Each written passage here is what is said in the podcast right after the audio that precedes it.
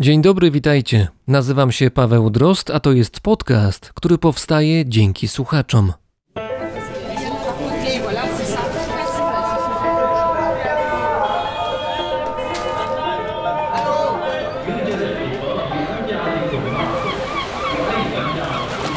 Brzmienie świata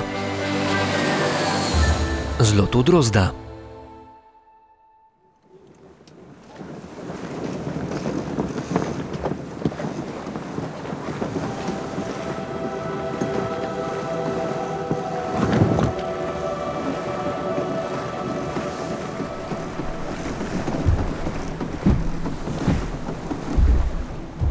Dwa okręty płynęły wzdłuż skalistego brzegu wyspy.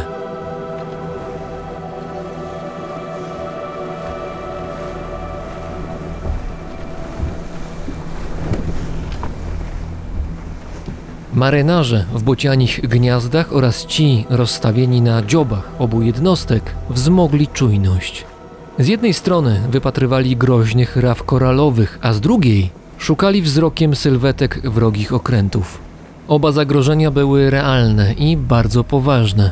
W promieniu setek mil morskich tylko Swan i Defense płynęły z banderą jego królewskiej mości. Ich 40 dział i mniej niż 70 ludzi nie mogło się równać z kilkunastoma dużymi statkami, którymi dysponowali obecni w okolicy Holendrzy. Był grudzień 1616 roku. Stojący na mostku kapitan Nathaniel Courthope, lat 31, zerkał na zwartą ciemnozieloną ścianę wyspy Run, którą właśnie okrążali. Wyspa sprawiała wrażenie niegościnnej i trudno dostępnej, a Courthope zauważył ten fakt z zadowoleniem. Na to właśnie liczył, na przychylność natury. Londyn był bardzo, bardzo daleko i Courthope musiał zdać się na siebie oraz garstkę swoich ludzi. Był przekonany, że ma szansę wykonać misję, z którą został tu wysłany.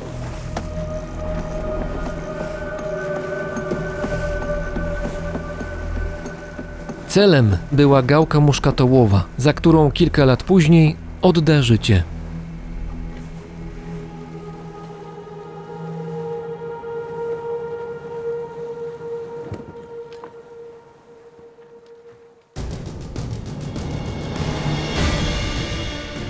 Wyspa Run należy do archipelagu Banda. To zgrupowanie dziesięciu niedużych wysp na zachód od Nowej Gwinei, obecnie w granicach Indonezji. Archipelag Banda stanowi część większej grupy wysp o nazwie Moluki. W przeszłości europejscy kolonizatorzy nazywali je wyspami korzennymi. To tam rosły goździkowce oraz wysoko cenione muszkatałowce, których nasiona były bardzo rzadkimi w owym czasie przyprawami.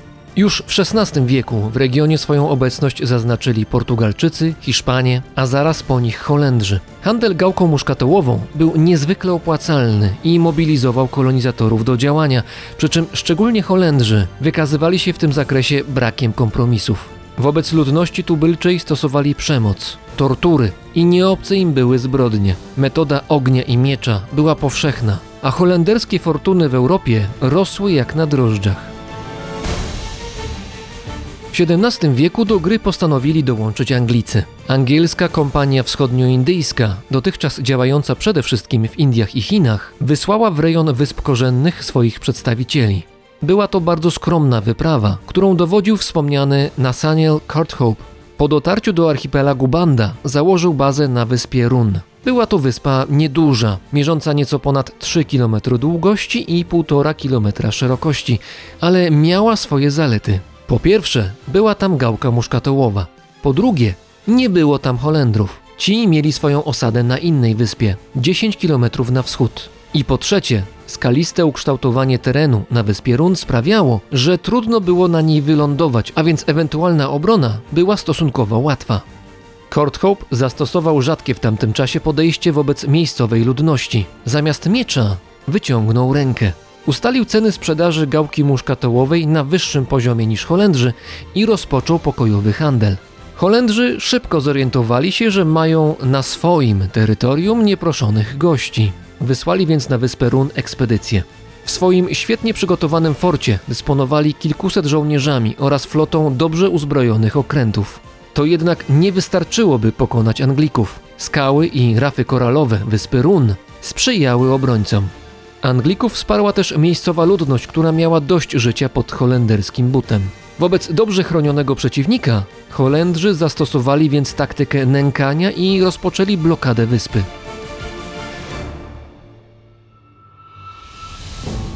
Nikt nie mógł dopłynąć do wyspy Run, ani z niej wypłynąć. Gdy część Anglików próbowała przebić się na morze, Holendrzy przejęli oba statki kapitana Courthope'a, który od tej chwili dysponował jedynie 39 ludźmi na lądzie. Sytuacja dla obrońców była dramatycznie zła. Szybko pojawił się problem z dostępem do wody pitnej i do żywności, których na wyspie Run brakowało. Statki z pomocą wysłane z Europy nie dotarły do celu. Rozprawili się z nimi Holendrzy. Porażka wisiała w powietrzu i nawet w Londynie uznano, że tej walki nie da się wygrać. Courthope otrzymał więc pozwolenie opuszczenia swojej placówki. Ten jednak odmówił. Garstka Anglików utrzymywała się na wyspie Run przez ponad 4 lata. Kapitan Courthope został postrzelony przez Holendrów podczas zasadzki i utonął w trakcie próby ucieczki. Jego heroiczne starania nie poszły jednak na marne i przyniosły Anglikom niespodziewaną korzyść pół wieku później. 1626 roku Holendrzy zaznaczyli swoją obecność na wschodnim wybrzeżu Ameryki Północnej. Kupili tam od dzikich, jak to wtedy pisano, wyspę na rzece, którą dzisiaj znamy jako Hudson. Umowa opiewała na kwotę 60 guldenów, co współcześnie odpowiada blisko 1000 dolarom. Wyspa, obecnie Manhattan, stała się fundamentem holenderskiej kolonii, którą nazwano Nowe Niderlandy. Brytyjczycy nie zamierzali tego długo tolerować, szczególnie że przegrywali z Holendrami w Azji Wschodniej. W 1664 roku załoga brytyjskiej ekspedycji przejęła kontrolę nad Nowymi Niderlandami, a zdobytej osadzie nadała nazwę Nowy Jork. Teraz piłeczka była po stronie Holendrów.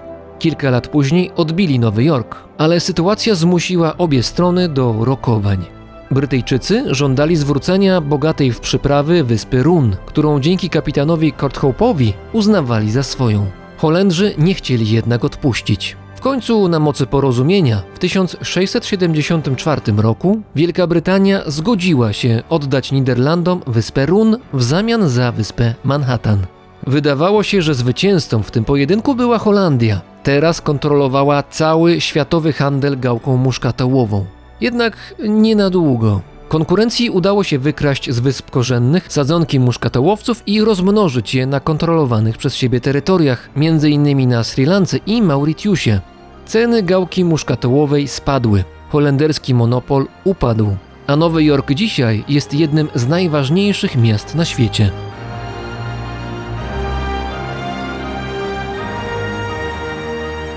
W tym odcinku będziemy w miejscu, które, podobnie do wysp Manhattan i Run, było obiektem handlu między dwoma krajami.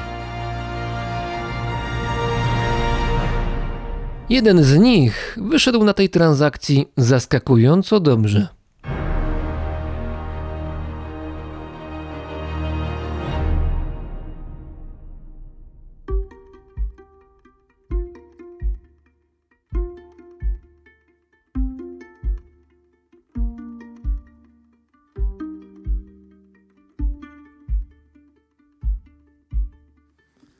Let me take you far away from here, where all the lights are turning and we are dressed like we are never going back.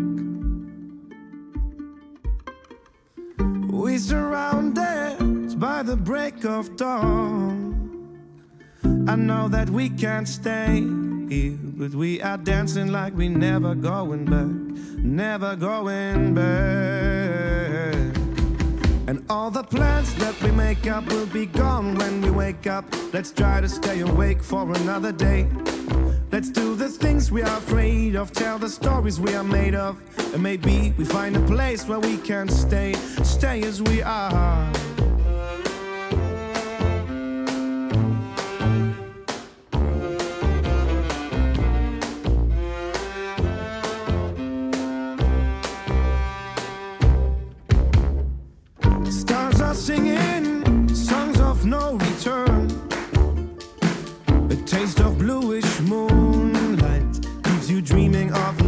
not going back.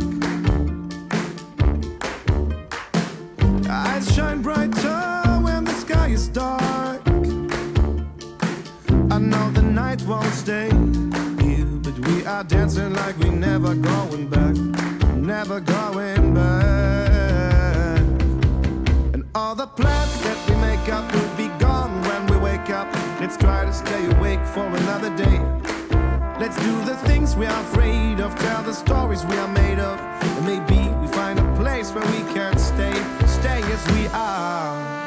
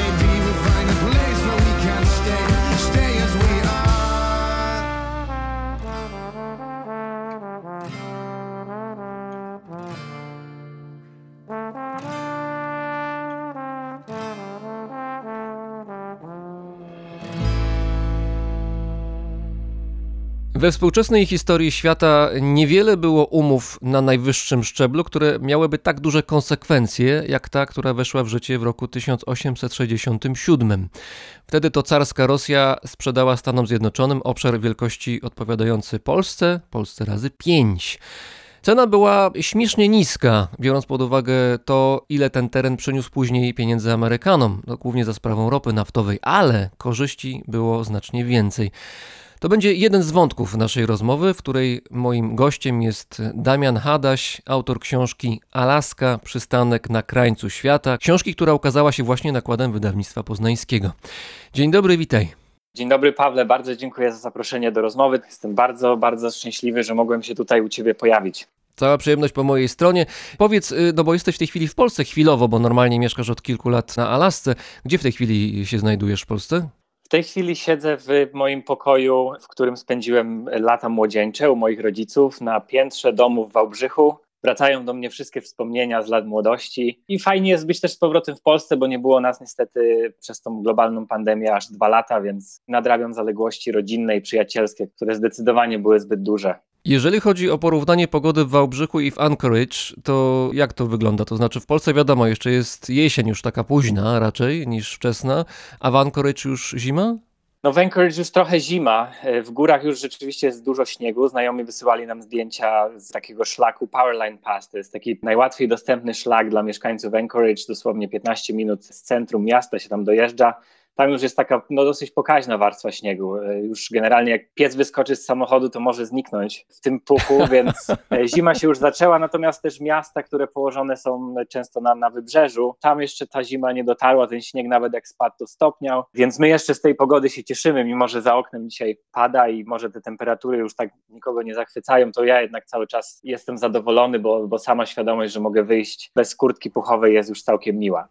Chociaż trzeba też y, przyznać, że coraz częściej zimowe, takie typowe zimowe obrazki, nie tylko w Polsce, ale również na Alasce, coraz częściej na zdjęciach możemy oglądać niż w rzeczywistości, chociaż Alaska jednak wciąż zimniejsza jest z całą pewnością niż te rejony polskie. Teraz chciałbym się zatrzymać na kwestii, która rozpalała przynajmniej niektóre ze światowych mediów w zeszłym roku. Wtedy właśnie media główne na chwilę, mam wrażenie, przypomniały sobie, że coś takiego jak Alaska istnieje. I nie chodziło ani o ropę naftową, ani właśnie o zmiany klimatyczne, ani o jakieś zdobywanie gór wysokich, ale o autobus. W Alasce komunikacja miejska nie jest zbyt rozwinięta, zresztą to jest w ogóle charakterystyczne dla całych Stanów Zjednoczonych, ale ten autobus był rzeczywiście przez kilka dni małą sensacją. Były widowiskowe zdjęcia, kiedy autobus leciał podczepiony pod helikopterem. Ale najważniejsza była historia tego autobusu. Historia, powiedziałbym, dalekosiężna i różnie widziana w zależności od tego, z jakiej perspektywy na nią patrzymy. To zacznijmy od początku. Co to za autobus? To jest tak zwany magiczny bus, czyli autobus, którym bohater książki Wszystko za życie, czyli Into the Wild autorstwa Jona Krakauera, żył przez dobrych kilka miesięcy. Tak, no ten bus zyskał niesamowitą e, popularność wśród turystów przede wszystkim. Wśród miejscowych tej popularności na Alasce nie zyskał. Natomiast stał się obiektem pielgrzymek. No, tak jak w dzisiejszych czasach to często bywa, gdzieś te te zdjęcia są na tyle kuszące i tak bardzo marzymy, żeby sobie to zdjęcie przy czymś znanym, przy czymś ważnym zrobić, że ludzie piechurzy wybierali się na ten szlak, nie do końca zdając sobie sprawę z tego, na jakie trudności się tam natkną. A wspomniany przez ciebie autobus jest tak znany, ponieważ swego czasu był tymczasowym miejscem zamieszkania pewnego młodego człowieka. Był sobie młody człowiek, dwudziestoparoletni, któremu coś w życiu zdecydowanie nie pasowało. Tak? Nie mógł zgodzić się z tym, jak wygląda rzeczywistość, nie mógł pogodzić się z niesprawiedliwościami społecznymi, który po zakończeniu studiów, bo trzeba pamiętać, że Christopher nie był po prostu zwykłym szaleńcem, on był człowiekiem oczytanym, był człowiekiem wyedukowanym, zdecydował się porzucić wszystko, co posiadał, zdecydował się nie kontynuować swojej kariery zawodowej, no i wyruszyć na wielką przygodę. I tak Christopher tułał się przez dobrych kilka lat po Stanach Zjednoczonych,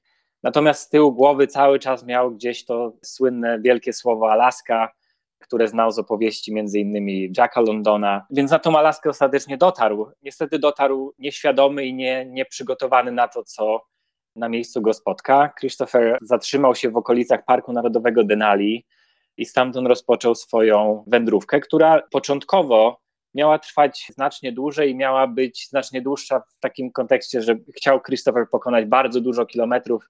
Niektóre jego jakieś zapiski świadczą nawet o tym, że mu się marzyło, żeby dotrzeć na wybrzeże Alaski, co patrząc w tej chwili no, na, nawet na mapę, no, można sobie łatwo wyobrazić, że było po prostu nierealne. Wydaje się, że Chris miał przysłoniętą rzeczywistość poprzez legendę Alaski, to znaczy coś mu się wydawało, miał jakieś wizje, ale to nie miało w ogóle poparcia w faktach. No zdecydowanie tak było. Myślę, że to jest gdzieś tam taka cecha młodych ludzi, którzy może mają nieco większą wrażliwość na świat. Ja również często patrzę na, na wiele miejsc przez jakieś takie różowe okulary. Dopiero rzeczywistość na miejscu okazuje się być nieco inna, więc absolutnie. Christopher, patrząc na, na wynik jego wyprawy, no nie był dobrze do tego przygotowany, nie miał odpowiedniej wiedzy, nie miał odpowiedniego sprzętu. No i pewnie zabrakło mu tego szacunku do przyrody, który na Alasce jest takim niezbędnym elementem do bezpiecznego funkcjonowania. Cóż, no Christopher był też przede wszystkim człowiekiem upartym, więc niezależnie od tego, co mówili mu ludzie dookoła, on na tą wyprawę się jednak wybrał. No i dotarł do tego właśnie wspomnianego już magicznego busa, który, co ciekawe, myślę, że to jest trochę absurdem tej sytuacji, ponieważ Christopher chciał uciec do dziczy, a ten autobus tak naprawdę znajduje się no, kilkanaście kilometrów linii prostej od, od głównej drogi Alaski łączącej miejscowości Anchorage i Fairbanks, czyli dwa największe ośrodki miejskie stanu. Pomimo tego, że to było tak blisko, on oczywiście nie słyszał tych samochodów, pewnie nie zdawał sobie nawet sprawy. Też ironia losu jest taka, że zatrzymał się w autobusie, czyli w emanacji nowoczesnej wielkomiejskiej kultury. To nie był element natury, to nie był element dziczy alaskańskiej, tylko właśnie element miasta, wyniesiony właśnie w tamto miejsce. Dokładnie. No te, te wraki autobusu zostały tam przeniesione znacznie wcześniej, bo był pomysł budowania tam drogi samochodowej, więc to były tereny rzeczywiście znane ludziom i przez nich często też, może nie często, natomiast też używane. Christopher wybrał ten wrak pewnie dlatego, że chyba nie spodziewał się warunków, jakie zastanie na szlaku. To jest szlak bardzo trudny, bardzo błotnisty, natomiast on rozpoczął swoją wędrówkę w kwietniu, gdy Alaska jeszcze jest pokryta tak naprawdę no, poważną warstwą śniegu, szczególnie te rejony Alaski Środkowej, tego interioru, tam gdzie znajduje się właśnie Park Narodowy Denali. Więc ja myślę, że to było dla niego gdzieś tam proste rozwiązanie. On sobie zdawał sprawę, że ten autokar, pomimo że zmęczony czasem, no zapewnił mu zdecydowanie lepsze schronienie niż namiot czy spanie pod chmurką. No tak, Christopher zdecydował się tam pozostać i pozostał tam bardzo długo, bo jeśli dobrze pamiętam, to były prawie cztery miesiące. No i cóż, no i gdzieś tam oddawał się czynnościom, którym chciał się oddawać, czyli czytał książki swoich ulubionych autorów, zbierał lokalne rośliny, starał się o nich uczyć i po tym czasie Christopher był już gotowy do powrotu, natomiast to był moment, w którym Alaska powiedziała mu nie, tak łatwo nie będzie. No i niestety rzeka, którą Christopher chciał pokonać w drodze powrotnej, żeby wrócić do tej tak zwanej cywilizacji, całkowicie odcięła mu drogę powrotną. Christopher był zmuszony do powrotu do wraku. No i oczywiście tutaj możemy troszeczkę tylko gdybać, natomiast y, no, łatwo sobie wyobrazić, że Christopher pewnie w panice podejmował decyzje, których normalnie by nie podjął, które no niestety doprowadziły go do śmierci, czy z zatrucia, czy po prostu z głodu. Do tego pewnie już nie dojdziemy, pomimo że tutaj autor książki, właśnie Krakauer, który swoją pisarską pozycję troszeczkę zbudował na książce Wszystko za życie, ciągle ten temat drąży. Wydaje mi się, że chyba ten temat jednak trzeba już zostawić za nami i skupić się na innych aspektach tej podróży Christophera. Mamy podróż, mamy trochę faktów, mamy trochę domniemań, ale przede wszystkim mamy legendę. I ta legenda napędza naśladowców, żeby się pojawiać w tym miejscu, w którym Chris obozował, w tym miejscu, gdzie jeszcze do niedawna stał autobus. Przy czym legenda jakoś została przecięta przez to, że ten autobus został stamtąd wywieziony. No zdecydowanie tutaj celem tego działania, wywiezienia, relokacji tego autokaru właśnie było to, żeby, żeby jednak ci pielgrzymi przestali tam chodzić. Władze stanu Alaska całkowicie zdają sobie sprawę, że nie zniwelują numeru pielgrzymów do zera, nie jest to, nie jest to możliwe, natomiast jednak ten autokar, ten wrak autokaru, magicznego busa przyciągał setki tych osób, więc tutaj jest nadzieja na to, że przynajmniej część może pielgrzymów, którzy nie, nie chcą podążać krokami Christophera, a po prostu chcą zobaczyć ten słynny wrak, odpuszczą, bo musimy pamiętać, że mieliśmy na tym szlaku co roku poważne wypadki, to już nie tylko były jakieś tam zagubienia czy problemy, nie wiem, z powrotem, natomiast zdarzały się też wypadki śmiertelne i to był taki, myślę, moment przełomowy dla władz, szczególnie tego regionu właśnie okolic Denali, że trzeba coś z tym fantem zrobić, ponieważ no, nikomu to nie sprzyja. Ja wiem, że tu wiele osób również w Polsce uważa, że to jest gdzieś tam ingerencja w wolność, jak można tam taki pomnik relokalizować, natomiast popieram w tej chwili decyzję władz Alaski. Wydaje mi się, że była to decyzja jedyna słuszna, mimo że na pewno trudna do przełknięcia dla wielu stron zainteresowanych historią Christophera.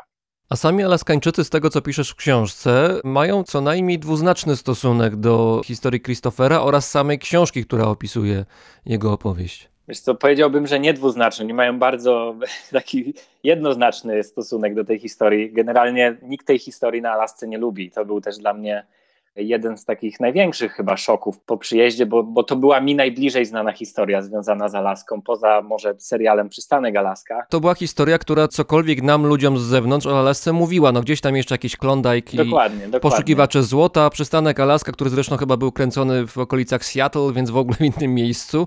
A tutaj mamy jeszcze trzecią historię, która właśnie tworzy ten mit Alaski współczesny dla nas, ludzi z zewnątrz. No tak, i ja przylatując na Alaskę, wydawało mi się, że to będzie taki fajny punkt zaczepny do, do rozmów z miejscowymi, czy nawet e, z rodziną mojej, mojej żony Elizabeth. Natomiast okazało się, że właściwie każda próba rozmowy na ten temat kończyła się troszeczkę taką aferą. Mieszkańcy Alaski bardzo emocjonalnie do tego tematu podchodzą i stanowisko jest dosyć twarde i jednoznaczne, że Christopher przede wszystkim zignorował Alaskę, podjął szereg decyzji, których podjąć nie powinien i troszeczkę nie mierzył swoich sił na zamiary, więc no niestety nie ma na Alasce takiego romantycznego odbioru Christophera. Niestety czy stety, myślę, że mieszkańcy Alaski mimo wszystko mają troszeczkę do tego prawo, ponieważ wiedzą, czym się ta Alaska rządzi. Zdają sobie sprawę z trudności, które czekają na piechurów, więc zdecydowanie nastawienie do historii Christophera jest negatywne. Oczywiście znajdą się jakieś jednostki, które pozwolą sobie na próbę przynajmniej wyjaśnień jego zachowań, które gdzieś tam w historii Christophera znalazły coś innego niż tylko tą konkretną podróż do tego autokaru i tą porażkę, bo, bo tak się to też często na Alasce określa. Ja w mojej książce piszę o takim no, jednym z dziennikarzy, który dosyć często do tego tematu powraca. On tą historię Christophera określa porażką, bo dlaczego mamy powielać historię i opowiadać i wzorować się na człowieku, który ostatecznie po prostu zawiódł. No ja nie chciałbym tutaj stawać akurat po tej stronie barykady, bo ja osobiście z książki Christophera i z jego historii wyciągnąłem troszeczkę inne wnioski i nie skupiam się tylko na tym jednym szlaku, na tym jednym wraku autobusu i na tym, że ostatecznie Christopher tragicznie zginął. W ogóle to jest postać, która myślę, że w Stanach Zjednoczonych przez niektórych ludzi jest traktowana jako jeden z przykładów współczesnego pustelnictwa, świadomego odejścia od współczesnej nam nowoczesnej cywilizacji, oddalenia się od głównych ośrodków miejskich czy w ogóle od ludzi i prowadzenia życia daleko od tego, co my normalnie życiem nazywamy. I trzeba też powiedzieć, że no co prawda zakończyła się porażką jakoś ta, ta jego wyprawa, jego przedsięwzięcie, ale z drugiej strony jestem trochę zaskoczony, że tak Alaskańczycy tak negatywnie podchodzą do tego, jak mówisz, bo oni sami, część z nich przynajmniej, zauważalna część z nich, ucieka od miast, nawet tych stosunkowo niewielkich, e, jak na skalę amerykańską, i gdzieś osiedla się w jakichś domostwach daleko od miejsc, gdzie cywilizacja nasza funkcjonuje. Świadomie ci ludzie decydują się na to, żeby budować sobie jakieś domostwa gdzieś na obrzeżach, gdzie nie ma elektryczności, nie ma tych wszystkich wygód, do których jesteśmy przyzwyczajeni, więc wydawałoby się, że powinni mieć jakiś rodzaj zrozumienia dla postawy Christophera, a jednak nie mają. No właśnie, to jest troszeczkę taki absurd, który ja też staram się gdzieś tam w moich rozmowach z mieszkańcami Alaski poruszać i przypominać też o tym, że samo życie już na Alasce jest obarczone troszeczkę większym ryzykiem. Wiesz, no mamy, mamy na Alasce regularne trzęsienia ziemi, mamy no związane z nimi tsunami, mamy, mamy bardzo trudne warunki, szczególnie w okresie zimowym, a mimo to ci mieszkańcy Alaski w tą przyrodę się pchają. I to nie jest tak, że unikają niebezpieczeń, że racjonalnie podejmują decyzje o zbliżającej się przygodzie.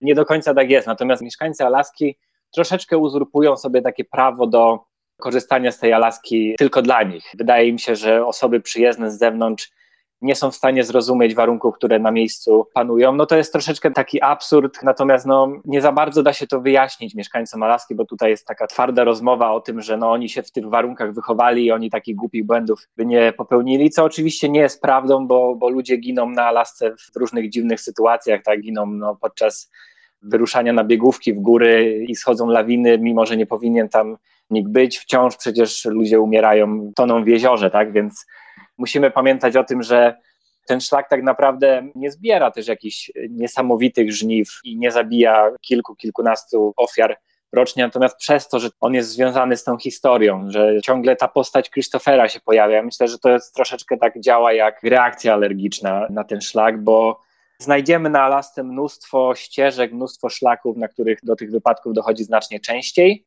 ale tam jest to wszystko wybaczane. Na szlaku Stampidi, czyli właśnie na szlaku prowadzącym między innymi do tego słynnego wraku, jakikolwiek błąd, czy nawet w ogóle chęć pojawienia się na nim wśród turysty określana jest czystą głupotą.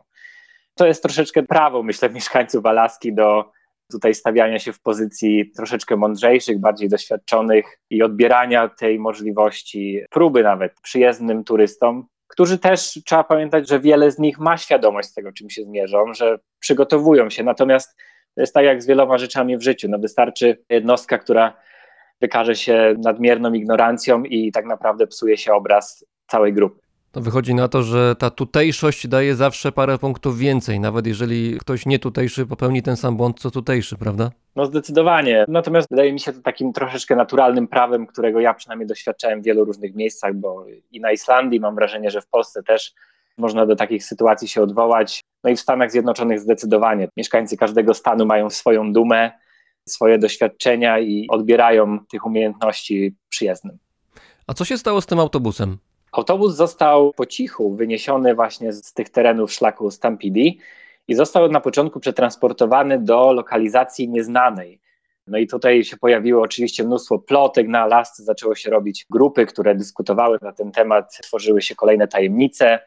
Pojawiały się nawet informacje, że ten wrak być może zostanie zniszczony, że tutaj jakiś kupiec prywatny się już pojawia, który ma ochotę najlepiej wziąć ten ten wrak i rzucić nim wśród turystów, żeby wszyscy zobaczyli, że to jest koniec tej historii. Oczywiście wiesz, Paweł, wyolbrzymiam, natomiast troszeczkę to tak działało, taki się tworzył jakiś ruch. Ale ciąg dalszy legendę, prawda? Legenda tak, ma kolejny dokładnie, rozdział. Dokładnie, to dalej żyło, nie? To dalej żyło. W mediach społecznościowych powstawały, wiesz, grupy, które chciały się skupić na ochronie tego wraku. W sprawę zaangażowała się między innymi siostra Christophera, która też kilka lat temu napisała swoją książkę z kolei dotyczącą właśnie historii swojego brata wypowiadał się na ten temat oczywiście autor książki, więc to wszystko żyło. Na pewno sprzedaż, wszystko za życie znowu, wiesz, zanotowała niezłe wzrosty. Natomiast okazało się ostatecznie, że wrak trafi w ręce chyba najlepszej placówki w stanie, stworzonej właśnie ku temu, czyli do Muzeum Północy, które znajduje się w miejscowości Fairbanks. No i tam zaczęło się oczywiście zbieranie środków, zaczęła się troszeczkę dyskusja, jak ten wrak chronić, bo musimy pamiętać też, że gdyby ten wrak został na miejscu, został na tym szlaku Stampidi, to prawdopodobnie w najbliższych latach nic by już z niego nie zostało, ponieważ turyści poza tym, że lubią po nim bazgrać, to też cenią sobie niezwykle kawałki tego wraku, więc ten wrak właściwie z roku na rok stawał się coraz bardziej lichy. Każdy miał ochotę sobie kawałek tej blaszki ze sobą zabrać. Więc no wiele osób mówi też, że to jest tak naprawdę jedyny sposób, żeby zachować jakąkolwiek pamięć po Christopherze związaną właśnie z tym autokarem. W tej chwili dosłownie to było trzy dni temu Muzeum Fairbanks już udostępniło dla pierwszych odwiedzających możliwość oglądania wraku magicznego busa. Natomiast on jest dalej poddawany pracy, wciąż trwa rekonstrukcja tego wraku, próba zachowania jego wyglądu, więc w tej chwili no, można tam na Uniwersytet Fairbanks pojechać, zobaczyć jak te prace trwają, natomiast on będzie ostatecznie wystawiony w miejscu publicznym, nie będzie trzeba kupować biletu do muzeum, żeby go zobaczyć. Nie wiedzą jeszcze w jakiej formie to dokładnie będzie przedstawione. Ja osobiście z tej decyzji bardzo się cieszę. Uważam, że to jest świetne miejsce. Uważam, że w ogóle Muzeum Północy to jest najlepsze miejsce pewnie w stanie do eksponowania takiego, no troszeczkę mimo wszystko pomnika, więc ja jestem zadowolony i mam nadzieję, że tej muzeum sprosta temu wyzwaniu i pogodzi gdzieś te różne strony tych osób, które najchętniej by ten wrak zniszczyły i zapomniały, ale również tych osób, dla których ten magiczny bus jest po prostu jakimś wyznacznikiem wolności, takim obiektem kultu troszeczkę. Nie? Szukanie wolności własnej, prywatnej w oddaleniu od innych ludzi, to na lasce jest pewne zjawisko, które jest zauważalne. Tutaj słowem kluczowym jest e, słowo homesteading. Tak jest. No homesteading dzisiaj ma oczywiście taką szeroką definicję, bo mianem homesteadingu można określać nawet, no nie wiem, hodowlę warzyw na własny użytek, czy produkcję elektryczności na własny użytek. Więc... To jest pewien rodzaj samowystarczalności, tylko że na Alasce to jest podniesione do potęgi drugiej, można powiedzieć. dokładnie, dokładnie tak jest i rzeczywiście mieszkańcy Alaski dążą do tej samowystarczalności. Ja myślę, że poza tym, że Alaska przyciąga pewne jednostki o takich cechach, które lubią gdzieś samotność, które lubią mierzyć się z tą przyrodą, to również wynika to z takich kwestii e, przyziemnych, czyli no z wysokich kosztów wielu dóbr, z wysokich kosztów żywności, z wysokich kosztów właśnie elektryczności, z tego, że no nie wiem, nie jest tak łatwo zrobić przyłącza do, do domów ze względu na to, że w ziemi mamy tak zwaną wieczną zmarzlinę, więc troszeczkę ludzie są do tego zmuszeni. I tak rzeczywiście spora liczba osób na Alasce ceni sobie takie życie z dala. To też przyjmuje bardzo, bardzo różne formy bo pomimo, że oczywiście taki ruch, ten homesteadingu na Alasce wciąż możemy spokojnie obserwować, to trend gromadzenia się ludzi wokół większych ośrodków miejskich jest bardzo żywy. To jest bardzo podobny trend, który obserwujemy chyba wszędzie na świecie. Jednak miejscowości zapewniają ten dostęp do lepszej edukacji, do pracy, do służby zdrowia, więc mieszkańcy Alaski starają się chyba znaleźć jakiś taki kompromis w tym i często na odludziu budują swoje domki letniskowe czy domki, w którym spędzają część roku. Oczywiście są osoby, które zdecydowały się świadomie żyć z dala od wszystkiego, w całkowitej izolacji, nie ma do nich dróg dojazdowych, poruszają się albo skuterami śnieżnymi, albo mają własne psie zaprzęgi. Takie osoby są. Ten ruch homesteadingu staje się coraz bardziej popularny. Myślę, że również i u nas takie przydomowe ogródki stają się popularne. Ludzie szukają na weekendy jakichś domków, gdzie nie, nie złapią zasięgu internetowego. Ale jest różnica między tym, że sobie w ogródku przydomowym albo nawet w mieście na balkonie sobie będę uprawiał miętę, a co innego jest jak mieszkam na Alasce w jakimś domu, z którego łodzią muszę płynąć, nie wiem, dwie godziny na przykład do jakiejś niewielkiej osady, gdzie jest malusieńki sklep otwarty tylko w niektóre dni tygodnia i jak nie narąbię sobie drew, to marznę albo mogę zamarznąć wręcz. No i takich wiosek na Alasce mamy mnóstwo, tak? Bo my tu możemy mówić o takich typowych homesteading, czyli takich, nie wiem, rodzinach, które żyją z dala od wszystkiego, natomiast no to są, powiedział, że to są jednostki, natomiast takich wiosek, o których ty mówisz, czy, czy małych osad, gdzie rzeczywiście nie ma żadnego połączenia drogowego, jedyną formą transportu są małe samoloty, czyli te taksówki powietrzne, albo właśnie długa podróż łodzią. Takich wiosek mamy na Alasce dużo, to jest ponad 200 wiosek, które zupełnie są odizolowane od systemu dróg lądowych. No i tam rzeczywiście to życie wygląda zupełnie inaczej. Ja lubię też mówić, że ciężko jest tak Alaskę ująć jako jeden świat. To są naprawdę przynajmniej dwa różne światy. Właśnie jeden świat troszeczkę miejski, w którym ja przede wszystkim funkcjonuję, czyli świat połączony drogami lądowymi. Ja to tak lubię może trochę uprościć. Ja mieszkam w Anchorage, czyli no największym ośrodku miejskim Alaski, które skupia w tej chwili prawie 50% mieszkańców stanu. Także to jest takie, nie powiedziałbym, że to jest y, taka amerykańska może metropolia, ale to jest miasto, które chciałoby kiedyś taką metropolią zostać. No i Anchorage oczywiście zdobywa coraz więcej mieszkańców, jednak ludzie no, w poszukiwaniu pracy czy właśnie edukacji dla dzieci gną do tych miejskich ośrodków, mimo że nie zawsze pewnie by chcieli, to troszeczkę pozostają bez wyboru. Natomiast ten drugi świat, ten świat, powiedziałbym chyba wiejski, chociaż lepszym słowem może jest odizolowany, to jest świat, który rządzi się absolutnie swoimi prawami. To jest świat, w którym wciąż żywność pozyskuje się przede wszystkim z własnych zbiorów, z polowań. To jest y, świat przede wszystkim ludzi pochodzenia rdzennego. Natomiast to jest też świat wielu utrudnień, którym istnieje próba połączenia tych dóbr XXI wieku, ale też chęć zachowania tradycji co jest, jak wiemy, niezwykle, niezwykle trudne i wymagające, i niestety chyba ta walka troszeczkę jest przegrywana. Pomimo prób, wydaje mi się, że w dłuższym dystansie, no niestety, ale ta wojna będzie przegrana.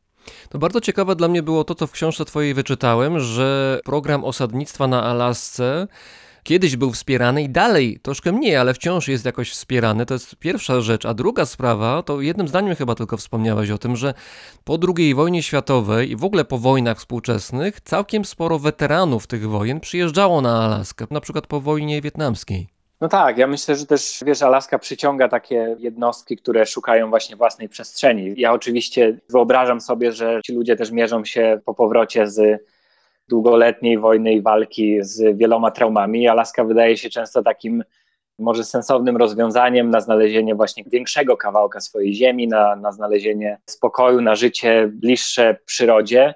I tak rzeczywiście jest. Na Alasce rzeczywiście tych weteranów wojennych jest bardzo dużo, szczególnie w małych osadach. Sporo też osób z taką historią właśnie zajmuje się nagle, wiesz, trenowaniem psów do, do psich zaprzęgów, uczy się je powozić. To są ludzie, którzy no, potrzebują chyba troszeczkę więcej przestrzeni niż, niż człowiek funkcjonujący w mieście, którzy po prostu często sobie z tą miejską, amerykańską rzeczywistością gdzieś w Stanach, gdzie to zaludnienie jest znacznie większe, po prostu nie radzą. Tak? Oni nie są w stanie rywalizować na rynku pracy, nie są w stanie powrócić do tłumu ludzi. To jest taka moja oczywiście interpretacja, dlaczego Alaska przyciąga właśnie takie jednostki. W ogóle próby zasiedlania Alaski nie zawsze kończyły się sukcesem, no bo to są jednak trudne rejony. W książce piszesz o pewnej historii z pierwszej połowy XX wieku. Tutaj mam na myśli rejon e, Matanuska. Rzeczywiście z tą doliną Matanuska, która w sumie znajduje się bardzo blisko miejscowości Anchorage, wiąże się sporo ciekawych historii. Właśnie jedna z nich miała miejsce, to były lata 30. XX wieku właśnie w ramach Nowego Ładu, e, wtedy ogłoszonego przez prezydenta Roosevelta, e, zdecydowano się tam utworzyć tak zwaną kolonię Doliny Matanuska. To miał być taki, taki obszar rozwiązujący problemy wielu rodzin ze stanów Michigan, Wisconsin i Minnesota.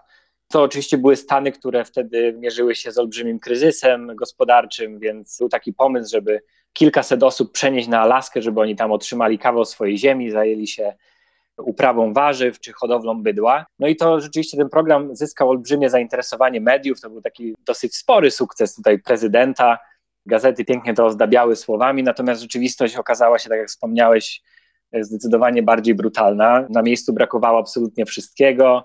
Nie mówiąc już o drogach, żywności, ale również brakowało ludzi, którzy w ogóle byliby chętni do pracy, czy w ogóle byliby chętni do skupowania tych produktów, które ewentualnie udałoby się wyprodukować więc niewiele osób sobie z tym projektem poradziło. Z tych ponad 200 rodzin zostało 20 na Alasce po tych kilkunastu latach. Więc no nie nazwałbym tego chyba projektu wielkim sukcesem, natomiast na pewno na tą chwilę prezydent wydawało się, że podejmuje fajną inicjatywę. No i podejrzewam, że te rodziny również się troszeczkę na to nabrały. No na miejscu oczywiście, no poza tymi brakami, też spotkali się z wyzwaniami, których nie mieli najmniejszego pojęcia. Tak? Sezon zimowy w tych okolicach jest, jest wyjątkowo długi, więc ta uprawa tak naprawdę nie pozostawia żadnego miejsca na jakiekolwiek błędy, ponieważ no, mamy, mamy krótki sezon letni, co prawda słońce wtedy świeci przez prawie cały dzień w okresie letnim, natomiast no, ten sezon jest na tyle krótki, że tutaj jakikolwiek błąd, nie wiem, załamanie pogody może, może sprawić, że no, skończy się to tragicznie dla farmerów. I tutaj trzeba przy okazji powiedzieć, że w związku z tym, co wspomniałeś, jeżeli chodzi o stan rolnictwa, właściwie szczątkowy stan rolnictwa na Alasce, w związku z tym, że klimat panuje tam, jaki panuje, inaczej powinniśmy jednak patrzeć na takie zjawiska, które też w Polsce występują, to znaczy polowanie chociażby, czy rybołówstwo. U nas to jest rodzaj rozrywki, natomiast na Alasce, czy w tego typu rejonach arktycznych, to jest często być albo nie być, bo jeżeli y, nie upoluję, nie nałowię ryb, nie nazbieram różnych jagód, poziomek i innych tam dóbr lasu, to no może nie będę głodował, ale może być ciężko, a na pewno będę musiał wydać ciężkie pieniądze na jedzenie w sklepach, które często też nie jest y, wysokiej jakości. No zdecydowanie tak jak mówisz, to jest coś, czego ja się też dopiero nauczyłem po przeprowadzce na Alaskę. Ja nie jestem ani myśliwym, generalnie zdecydowanie bliżej mi jest do obserwacji zwierząt niż do próbowania zabicia tego zwierzęcia. Natomiast nauczyłem się na Alasce tego, że nie mogę tego oceniać, że to nie jest jednak tutaj moja rola, żeby to oceniać, a mamy w tej chwili w Europie taki silny ruch na pewno przeciwko myślistwu. No bo Europa jest zupełnie w innej sytuacji. No tutaj mamy pola, mamy sklepy pełne. Z Hiszpanii sobie oliwki przyjeżdżają do Polski w ciągu jednego dnia możemy sobie je zjeść i nie są wcale jakoś szczególnie drogie. I tak dalej, i tak dalej. Alaska ma inną sytuację. Ameryka jest zdecydowanie bliższa tutaj Europie, natomiast Alaska jest na tyle odizolowana, że ludzie po prostu są zmuszeni, żeby radzić sobie troszeczkę samemu. To też dobrze było widać właśnie w czasach pandemii, gdy wstrzymane zostały w pewnym momencie dostawy towarów, pojawiło się wielkie ryzyko, wielkie zagrożenie tutaj tragedii dla tych mieszkańców właśnie z odizolowanych części stanu ponieważ no, oni żyli w takim, byli w takiej pozycji, że nie do końca chcieli, żeby ktokolwiek do nich przyjeżdżał, a z drugiej strony zdawali sobie sprawę, że są od tych dostaw uzależnieni i bez nich nie będą w stanie funkcjonować. Więc tak, Alaska absolutnie rządzi się swoimi prawami. I o ile my w miastach mamy dostęp do no, prawie wszystkich produktów, może nie powiem, że one są najlepszej jakości, są najświeższe, bo to wszystko musi do nas przypłynąć na wielkich e, łodziach czy przylecieć samolotami, Natomiast mamy to. U nas oczywiście też była wielka panika w lutym i marcu 2020 roku, że zabraknie papieru toaletowego, że taki element, wiesz, który łączy chyba cały świat. No ale to wszędzie chyba tak było. Ja widziałem, pamiętam ludzi na polskich ulicach z 20 rolkami w jednej ręce i 20 w drugiej no, ręce. U nas było tak samo, natomiast wydawało się to zagrożenie troszeczkę większe, bo jednak do nas to wszystko musi przypłynąć. Drogi zostały zamknięte między Kanadą a Stanami Zjednoczonymi, więc Alaska została taka pozostawiona sama sobie. Rzeczywistość okazała się znacznie lepsza i, i to wszystko do nas dopływało. Natomiast tak, te bezpieczeństwo żywnościowe, bo to chyba można tym terminem określać, jest chyba jednym z największych wyzwań w tej chwili dla Alaski, ponieważ ci mieszkańcy z wiosek odizolowanych, z wiosek, które nie mają połączenia lądowego, są troszeczkę pozostawieni sobie. I tam rzeczywiście wciąż duży procent diety takich mieszkańców pochodzi z własnych zbiorów. Mówimy tutaj zarówno właśnie o, o, polowaniach na mniejszą czy większą zwierzynę, mówimy też o zbiorach jagód, o czym już wspominałeś. Ci ludzie rzeczywiście się wciąż tym trudnią. Ciężko jest to oceniać z perspektywy mieszczucha, ciężko jest to podejrzewam zrozumieć z perspektywy mieszczucha. Ja też te opowieści znam tylko z jakichś tam historii ludzi, którzy się dostali do tych wiosek, którzy mieli przyjemność obserwować to na własne oczy. Między innymi do książki zdjęć udzielił mi Cale Green, młody fotograf właśnie z Anchorage, który co roku jest zapraszany na pierwsze połowy wieloryba w dalekiej Arktyce. I on powiedziałbym, że pewnie też nie jest jakimś zapalonym myśliwym i nie żyje z własnych polowań, no bo, bo mieszka w tym Anchorage i może sobie pójść i kupić pizzę i, i zajrzeć do fast foodu. Natomiast te jego historie, te jego zdjęcia, myślę, pokazują bardzo wiele, że to jest rzeczywiście element przetrwania, element także zachowania tradycji, o czym musimy pamiętać, że to są ludzie, którzy robili to od tysięcy lat. Tak wygląda ta rzeczywistość, którą no naprawdę ciężko jest zrozumieć z perspektywy życia tutaj na przykład w Wałbrzychu, czy jeszcze bardziej pewnie życia w Warszawie. Padła tutaj nazwa Dolina Matanuska. W książce piszesz też o Denali, górze, która kiedyś nazywała się jeszcze do niedawna McKinley. Te nazwy już wskazują na to, że te ziemie, ziemie alaskańskie, to nie są ziemie białych ludzi albo tylko białych ludzi. To ziemie, które należały od setek, jeśli nie tysięcy lat, osób, które tam nadal mieszkają, do potomków tych osób. Mówię o tak zwanej rdzennej ludności Alaski. Jak to w tej chwili wygląda? Bo trochę o tym piszesz, że no nie jest dobrze, że, że te choroby społeczne związane właśnie ze stykiem białej społeczności Stanów Zjednoczonych, rdzenną społecznością Stanów Zjednoczonych, w tym wypadku Alaski, dalej tam jakoś funkcjonują, ale jak rozumiem, idzie ku dobremu, powoli, ale jednak ku dobremu. Wiesz, ja przede wszystkim chciałbym w to wierzyć, że idzie ku dobremu. Wydaje mi się, że samo to, że ta dyskusja ma już miejsce, że jakby rozmawiamy o tych traumach pokoleń rdzennych mieszkańców Alaski, że samo to, że podejmujemy te tematy, pomimo że one czasami wydają się malutkie, czasami mogą się wydawać nieznaczące, bo ja w książce opisuję historię powrotu do oryginalnego nazewnictwa, opisuję historię prób zachowania języka Yupik, o tym, że w przedszkolach w Anchorage zaczynają się programy nauki w tym języku. To są oczywiście rzeczy bardzo malutkie, natomiast sam fakt, że, że ta dyskusja się dzieje w ostatnich tak naprawdę dopiero pewnie dwóch dekadach, wydaje mi się wielkim krokiem do przodu no i mam nadzieję, że to jest tylko początek tej dyskusji, bo rzeczywiście ta historia jest, tak jak zresztą no, w przypadku całej chyba Ameryki Północnej. Tutaj tak? widać bardzo dużo podobieństw do tego, co się w Kanadzie w tej chwili dzieje, to Dokładnie. znaczy do powrotu, do próby rozliczenia tego, co się działo wcześniej, do karygodnych wypaczeń wręcz, do jakichś dziwnych praktyk, które nie powinny absolutnie mieć miejsca, które były związane przede wszystkim z dziećmi rdzennych mieszkańców Alaski, a w przypadku Kanady rdzennych mieszkańców Kanady. Jest dużo podobieństw w tych historiach. Oczywiście, tu możemy też znaleźć podobieństwa w historiach rdzennych mieszkańców Ameryki, tak? No przecież ludzie zsyłani do rezerwatów, ludzie, tak. którym odbierano języki, imiona, pracę, prawa, jakiekolwiek prawa przede wszystkim, więc ta historia rdzennych mieszkańców łączy się bardzo silnie tutaj z historią całej Ameryki Północnej. Na Alasce z tą Kanadą się nikt nie chce porównywać, bo jakby uważa się, że, że ta historia nie działa się na Alasce. Ja się obawiam, że najbliższe lata pokażą, że może nie na taką skalę, natomiast kolonizatorzy Alaski też mieli sporo za uszami i, i na pewno te traumy zostaną kiedyś poruszone. I wydaje mi się, pomimo że to jest oczywiście bolesne, szczególnie dla potomków rdzennych mieszkańców stanu, wydaje mi się no jednak niezbędnym krokiem do jakiegokolwiek oczyszczenia i do funkcjonowania tych mieszkańców, bo musimy pamiętać, że to nie jest na Alasce jakaś nieznacząca grupa społeczna.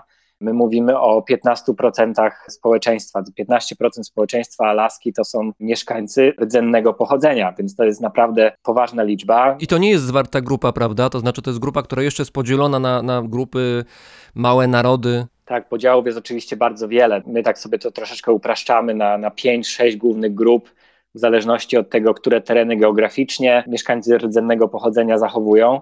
Natomiast oni chętniej dzielą się ze względu na języki, a tych języków możemy takich głównych wyróżnić ponad 30, więc mimo, że my wkładamy to do grupy mieszkańcy rdzennego pochodzenia, to oni wszyscy mają swoje historie, wszyscy pochodzą z różnych rejonów, ich przodkowie trudnili się innym życiem, tak, bo zupełnie inaczej wyglądało życie na dalekiej Arktyce, gdzie klimat jest całkowicie inny od Alaski południowo-wschodniej. Musimy pamiętać, że bardzo dużo rdzennych mieszkańców żyło na Wyspach Aleuckich, a wiadomo jak to na wyspach, tam już ta izolacja jest całkowita i każda kultura wygląda troszeczkę inaczej, więc tak, to jest e, bardzo skomplikowany, bardzo, bardzo szeroki temat, którego ja jeszcze nie chciałbym powiedzieć, że ja jestem w stanie go e, rzetelnie, odpowiedzialnie przedstawić w 100%, więc ja też się tego wszystkiego uczę, natomiast wydaje mi się to tematem fascynującym. Też tutaj od początku mojej przygody na Alasce staram się to wszystko zrozumieć, staram się znaleźć jakieś podobieństwa do tutaj naszej historii, Natomiast to jest wszystko tak inne, to jest zupełnie różne od tego, co my w Polsce doświadczyliśmy, pomimo tego, że przecież nasza historia też pozbawiona traum i ciężkiej historii nie jest. Nie?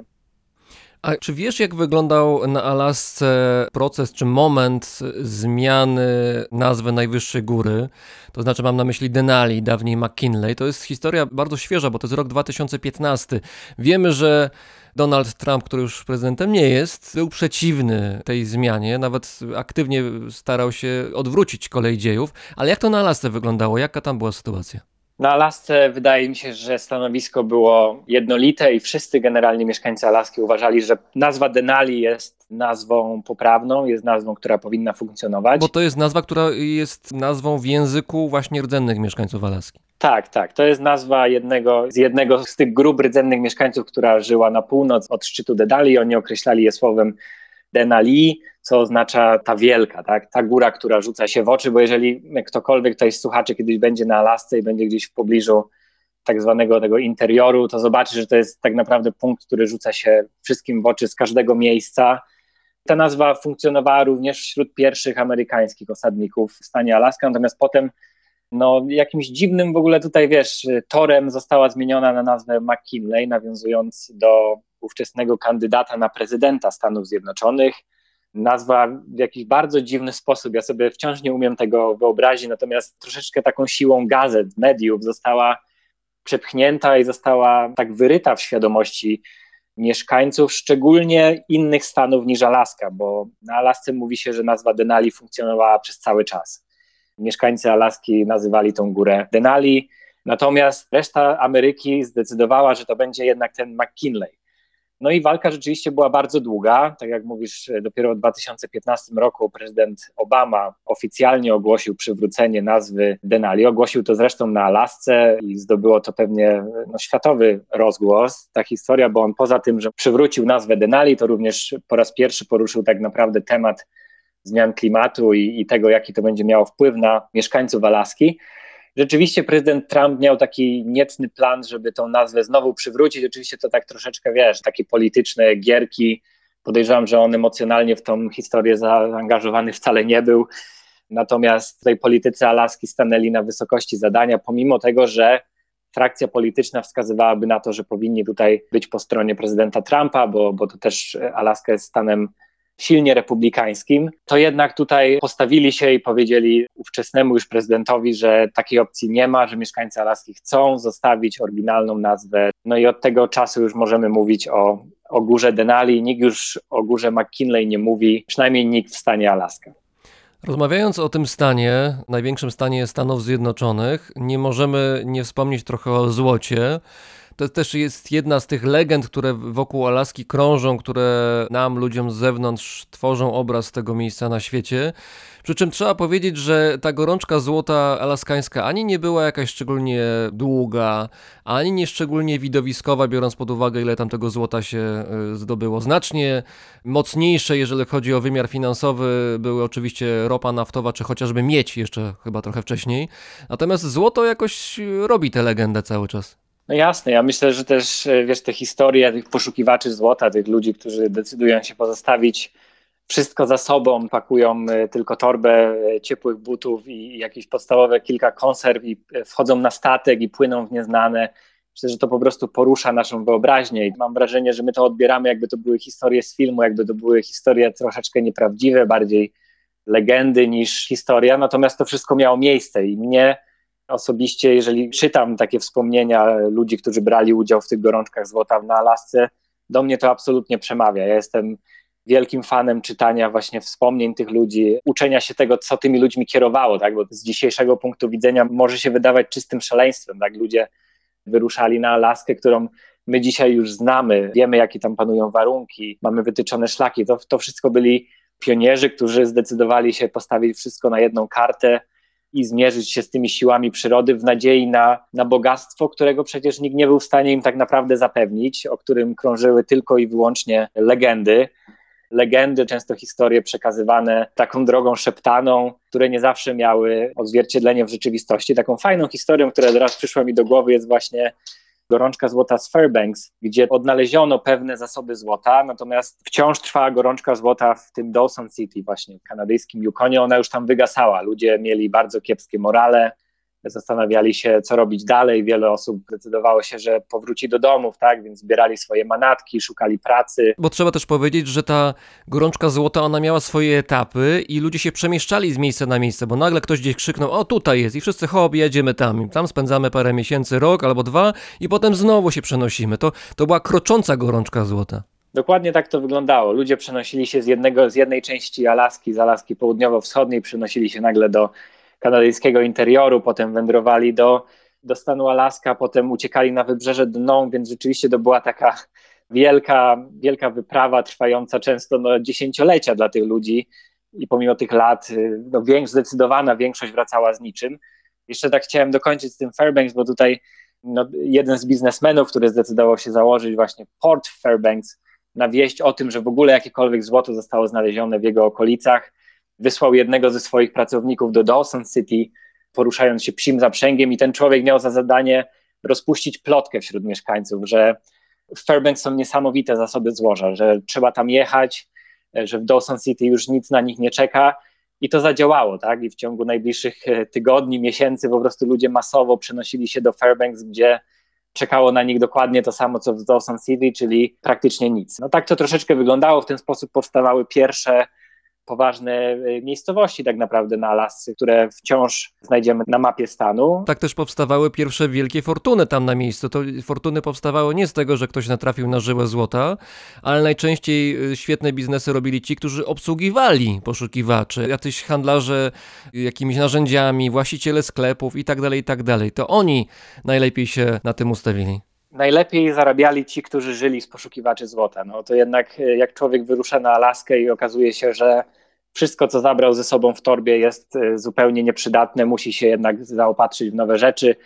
Więc ci poszukiwacze często swoją przygodę zaczynali od tego, że musieli łapać pracę, zarobić troszeczkę więcej pieniędzy, które mogą wydać w sklepach. Więc tak, rzeczywiście handlarze tutaj dorobili się niemałych fortun, dobrze zarobili je rzeczywiście właściciele barów, bo każda tego typu gorączka zawsze wiąże się z poważnym piciem. Dobrze zarobili kryminaliści, którzy również chętnie zaglądali w kieszenie tych poszukiwaczy złota. Świetnie zarobiły firmy transportowe transportujące Amerykanów z zachodniego wybrzeża. Musimy też pamiętać o takim aspekcie, że na przykład miasta na wybrzeżu amerykańskim, takie jak San Francisco czy Seattle, niezwykle zyskały na gorączkach złota, które miały miejsce gdzieś na dalekiej północy, ponieważ do tych miast y, no, ruszyły tłumy, tam otwierały się kolejne sklepy, brakowało sprzętu a wiadomo, że jak zaczyna brakować wszystkiego, to ceny wchodzą na jakieś kosmiczne wartości, więc te gorączki złota na Alasce tak naprawdę odbiły się w pewnym stopniu na wielkich metropoliach amerykańskich i często mówi się, że właśnie Seattle jest takim,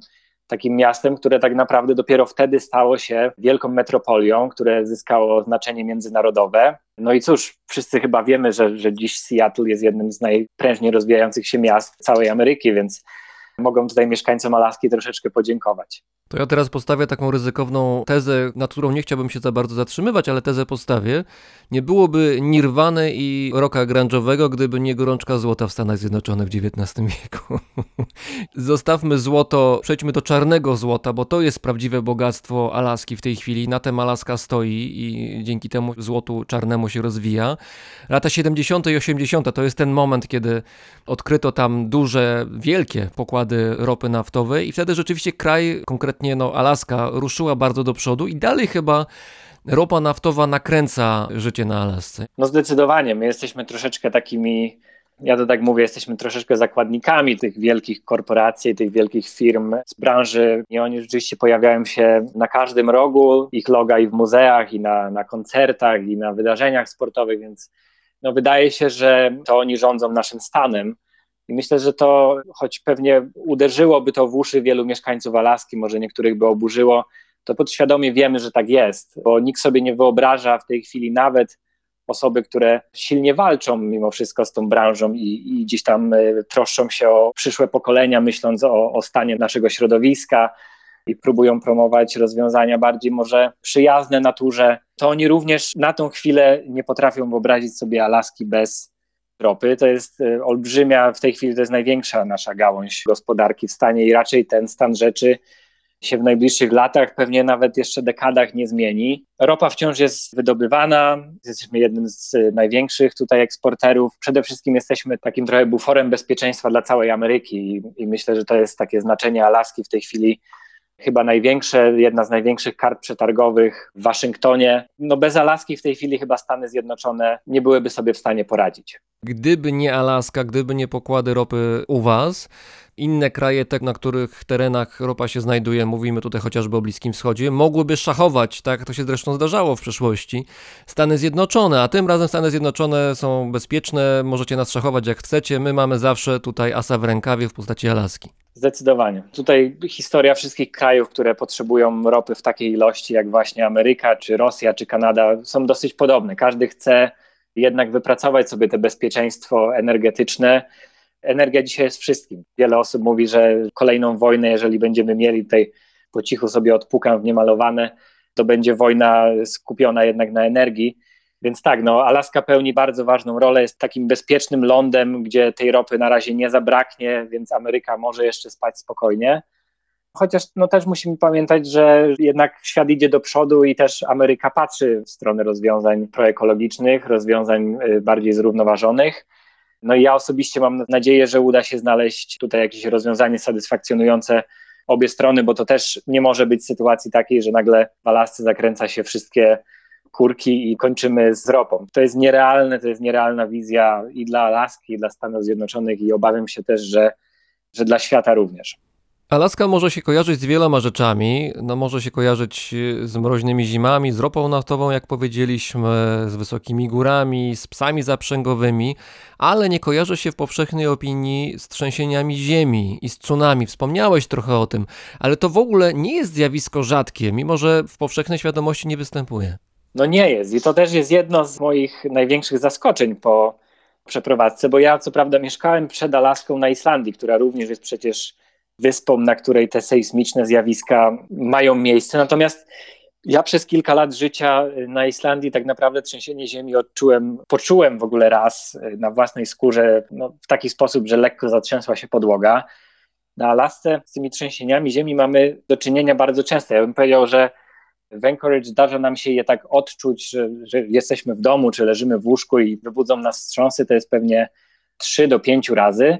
3 do 5 razy w ciągu roku odczuwamy takie trzęsienie. Jesteśmy w stanie je wyczuć na własnej skórze, bo musimy pamiętać, że trzęsienia na Alasce dzieją się średnio co kilka, kilkanaście minut.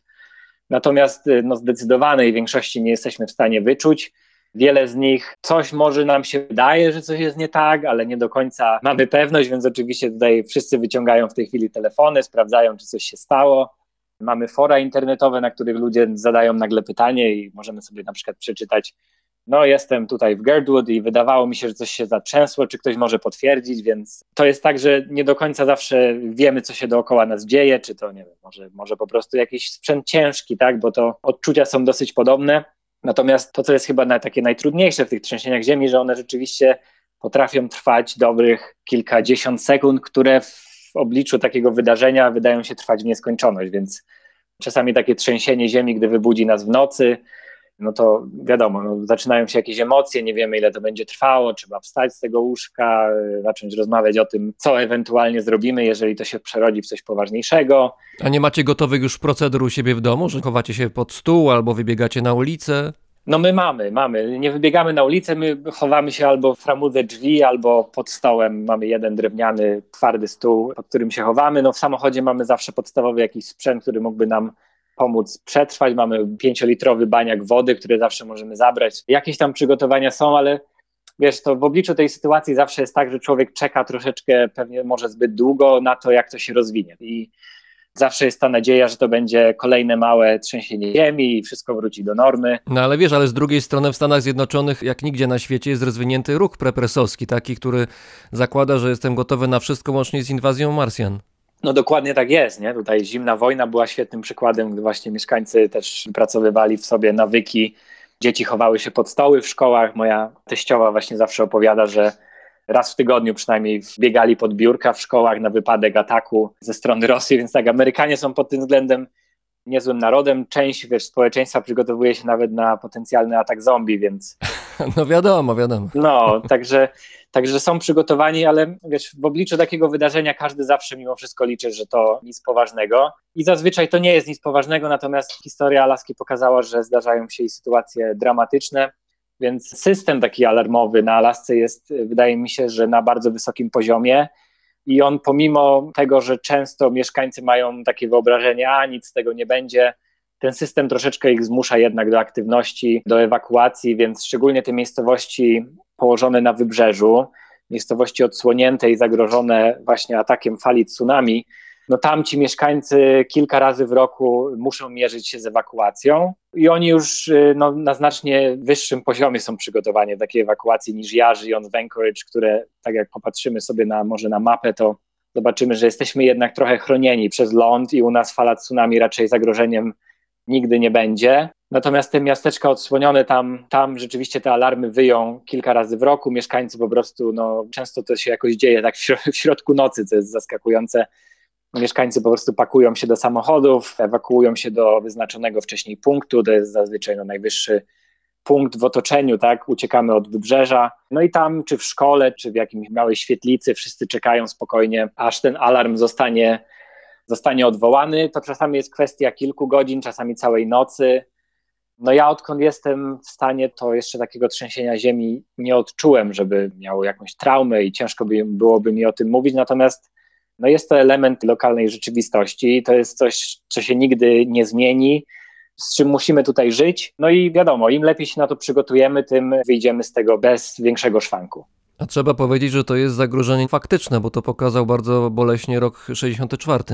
No dokładnie, to jest takie wydarzenie, o którym chyba na Alasce wszyscy, wszyscy mieszkańcy często mówią, często się je przywołuje. To było zresztą drugie najsilniejsze trzęsienie ziemi odnotowane w historii no, świata. Wiadomo, notujemy te pomiary tak naprawdę od pewnie 100 lat. Natomiast no, olbrzymie trzęsienie ziemi, które trwało dobrych kilka minut i które zostawiło no, niezwykłe, niezwykłe blizny w pamięci wielu mieszkańców Alaski do tej pory. No zresztą mamy, mamy w rodzinie osoby, które tego dnia na Alasce były i które nie chcą o tym wydarzeniu mówić. Wiele osób przywoływało tutaj wizję końca świata. Te wstrząsy były tak wielkie, że zawalały się kolejne konstrukcje, otwierały się drogi, ludzie wpadali do szczelin, samochody wnikały w czeluści ziemi, wiesz, zapadały się całe wielkie osiedla w Anchorage, zjeżdżały do wody, więc to są wydarzenia, które ciężko również sobie wyobrazić z takiego europejskiego punktu widzenia. Natomiast tutaj, no, pomimo tego, że te trzęsienie ziemi było olbrzymie, było znacznie silniejsze niż trzęsienia, które zbierały niesamowite żniwa w Japonii czy w Nepalu w ostatnich latach, to tutaj jakby no, ta izolacja Alaski, te małe zaludnienie w pewnym sensie zagrało na korzyść i tych ofiar śmiertelnych nie było aż tak wiele, jak pewnie byłoby na przykład, gdyby do trzęsienia doszło w Kalifornii, gdzie ta gęstość ludności jest, jest znacznie, znacznie większa. Oprócz trzęsień ziemi, to macie jeszcze całkiem sporo aktywnych wulkanów. Już nie chcę tego wątku ciągnąć od strony sejsmologicznej. Bardziej bym go pociągnął od strony rozrywkowej. Opowiedz proszę o dowcipie, który wykonał jeden z mieszkańców Alaski w roku 74. To jest dowcip, który dla mnie jest przedziwny, bo on właściwie się nie powinien odbyć, bo ktoś powinien zaprotestować i zatrzymać tego człowieka, ale nie tylko nikt go nie zatrzymał, ale co więcej, on miał w pewien sposób wsparcie władz. Tak, wiesz, ja sobie wyobrażam czasami, że to były takie czasy może, że e, było większe przyzwolenie na robienie tego typu żartów. Dzisiaj oczywiście bez dwóch zdań takie coś by nie przeszło. Tak, to wydarzyło się na Alasce Południowo-Wschodniej. Tam jest taki przepiękny wulkan Mount Ejecumbe, który dominuje zdecydowanie nad całym krajobrazem. I tam był sobie taki mężczyzna, którego wszyscy znali jako Porky. No i on od wielu lat marzyło mu się, żeby zrobić niesamowity dowcip prima aprilisowy. No i tak przez wiele lat zbierał, zbierał sobie różnego rodzaju materiały, opony, środki, które ułatwią mu późniejsze odpalanie całego tego nagromadzonego sprzętu. No i on jak się obudził tego 1 kwietnia, zobaczył, że jest przepiękna pogoda, zobaczył, że jest świetna widoczność z jego miasteczka właśnie na górę. Zadzwonił do, do jednego z lokalnych pilotów, przetransportowali w pobliże tego wulkanu, aktywnego kiedyś historycznie wulkanu przetransportował ten swój cały dobytek, ustawił stertę opon, no i zdecydował się je podpalić. Po czym wrócił do siebie do domu, no i spokojnie obserwował rozwój wydarzeń. Cóż, no możemy sobie wyobrazić, że budzimy się w takim małym miasteczku o poranku i nagle widzimy, że z tego aktywnego kiedyś wulkanu zaczyna wyłaniać się smuga dymu, smuga gęstego dymu. Więc oczywiście mieszkańcy wpadli w delikatną panikę, zaczęły się jakieś telefony do policji, do Straży Wybrzeżnej. No i cóż, no Porki tutaj zareagował dosyć szybko i, i no przyznał się, że to jest jego sprawka. Żart podobno został odebrany bardzo przyjemnie i pomimo, że gdzieś tam może na początku wszyscy byli zestresowani, to docenili jego twórczość. I tak jak wspomniałeś, legendy mówią o tym, że on poinformował lokalne służby, więc większość służb była tego świadoma, natomiast właśnie Straży Wybrzeżnej nie poinformował i to właśnie Straż Wybrzeżna jako pierwsza dotarła w rejon wulkanu i tam na miejscu zamiast tej wydobywającej się z góry magmy dostrzegli wielki napis April's Fool, czyli właśnie Prima Aprilis. A z czego się w ogóle Alaskańczycy śmieją? Jak taki dowcip, y, nie wiem, o jakimś niedźwiedziu, który mnie goni, czy nie wiem, wpadłem do wulkanu? Wiesz co, tak, ale mieszkańcy Alaski lubią się śmiać z historii z niedźwiedziami. O. E, to jest oczywiście temat bardzo, bardzo poważny i każdy podchodzi do niego gdzieś tam z dużym szacunkiem i każdy stara się być przygotowanym, natomiast lubimy powtarzać te historie, które kończą się dobrze ostatecznie, chociaż mogły skończyć się znacznie tragiczniej. Taką chyba moją ulubioną historią jest historia z zeszłego roku, gdy kilka osób właśnie wybrało się na kemping. To były już okolice takiej późnej chyba jesieni, czy wiosny, czy zimy nawet. Wybrali się na kemping i musieli skorzystać z takiej latrynki zewnętrznej, z kibelka na zewnątrz i właśnie ta jedna z pań poszła z niej korzystać, nagle poczuła, że coś ugryzło ją w tyłek.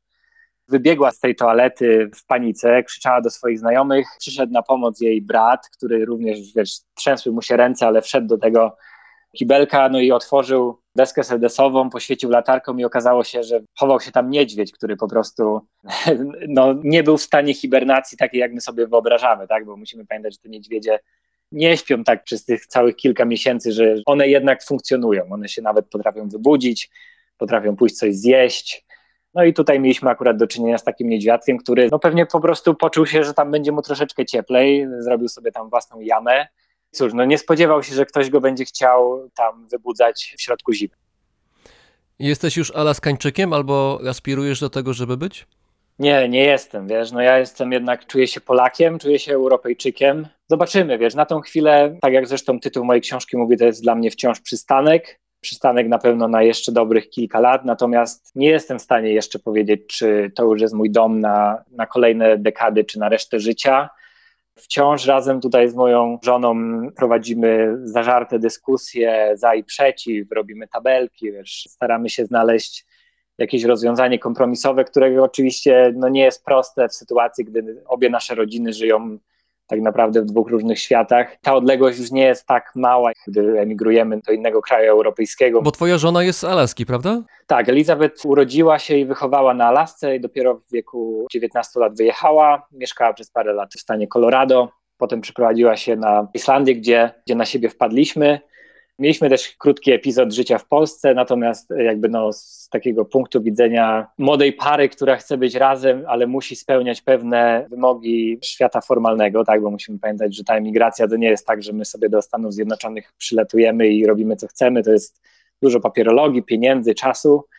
Ta emigracja wydawała się dla nas najprostszym, najszybszym pierwszym krokiem. Mam nadzieję, że no już za rok dostanę amerykańskie obywatelstwo no i wtedy troszeczkę się te drogi dla nas jako pary no, otworzą i mam nadzieję, że już za rok dojrzejemy do decyzji takiej, gdzie chcemy być na przynajmniej kolejnych kilkanaście lat.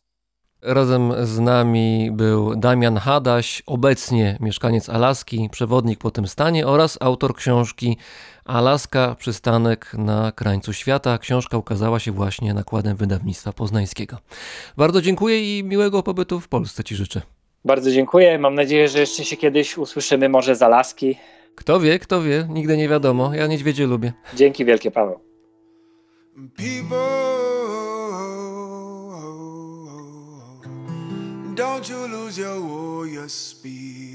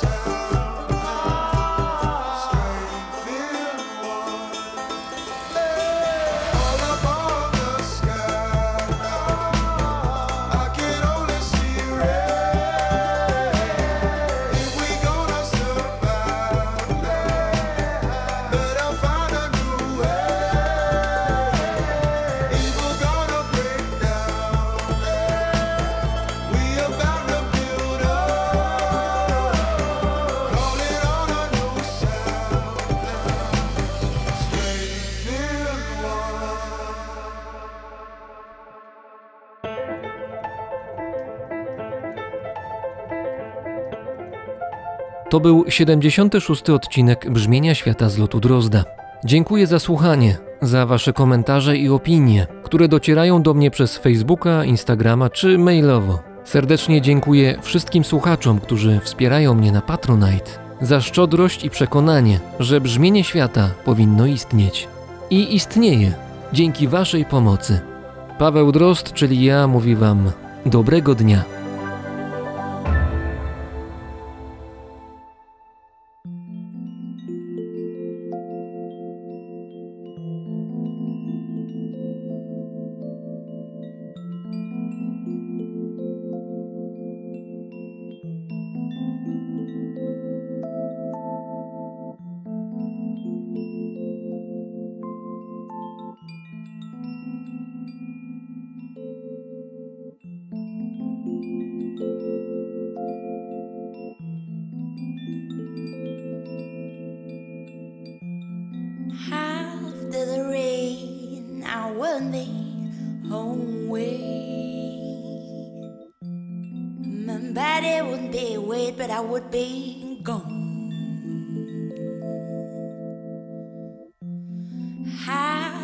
The rain, I will be home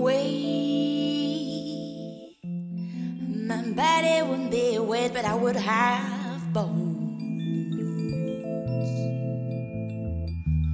But after the rain, would I be awake? After the rain, would I see clearly?